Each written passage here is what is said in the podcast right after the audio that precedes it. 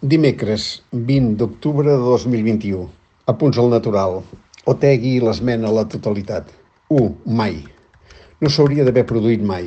Em sembla que hi ha un ampli consens en què, més enllà de les expressions de dolor i comprensió per les víctimes, aquesta frase és l'element central de la declaració d'Arnaldo Otegui amb motiu del desè aniversari de la conferència d'Aiete que va obrir pas al final de la violència.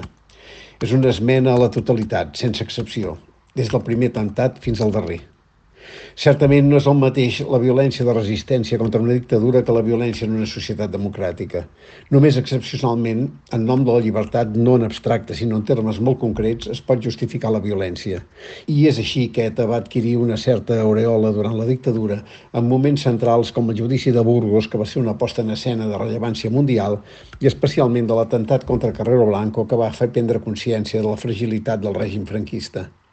No sóc gens partidari de les teories de la conspiració, sempre he cregut que Caín va matar Abel, però el propi desconcert en què havia entrat el règim donava ales a tot tipus de fantasies. Quan Martín Villa era ministre de l'Interior del primer govern Suárez, Martí Gómez i jo el vàrem entrevistar en el despatx on havia estat de Carrero Blanco com a president del govern. En acabar la conversa, em vaig acostar a la finestra que donava la castellana. Martín Villa em va dir, veu la parada d'aquí davant? Vostè sap que just abans de l'atemptat, Enrique Singer va visitar Carrero. Òbviament, el FBI va revisar la zona a fons i van veure que en el banc de la parada hi havia una persona asseguda que mai pujava a l'autobús. Va resultar ser un dels autors de l'atemptat. Què m'està dient? No em va deixar acabar la frase. No, no li dic res, només li dono una informació. Dos, desconeixement.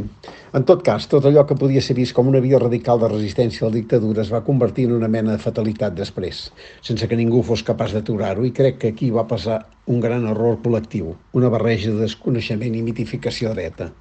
No només gran part de la ciutadania, jo entre ells, sinó també una majoria dels dirigents polítics es pensaven que la violència desapareixeria un cop caiguda la dictadura que el que va fer ETPM, dissoldre's i entrar en l'espai polític a través d'Euskadi o Esquerra, ho faria també el nucli central d'ETA.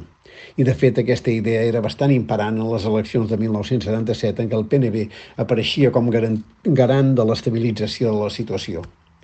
La scissió d'ETA fou un mal auguri. Després tot va anar pel pedregar, desbordant l'aparell d'estat que es va perpetuar amb el gal en la via de les cloaques.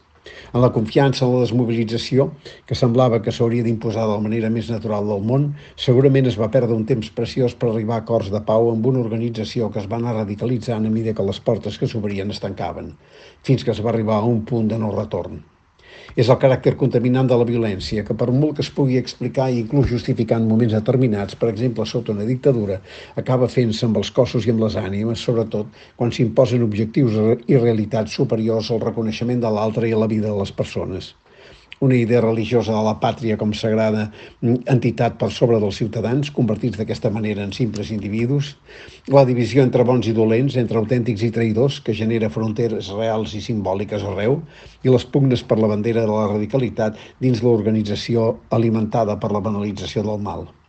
Quan aquests factors cristal·litzen i la dinàmica de confrontació es fa estructural, costa molt trobar la sortida, que requereix una mutació significativa de l'entorn que ha estat caldo de cultiu.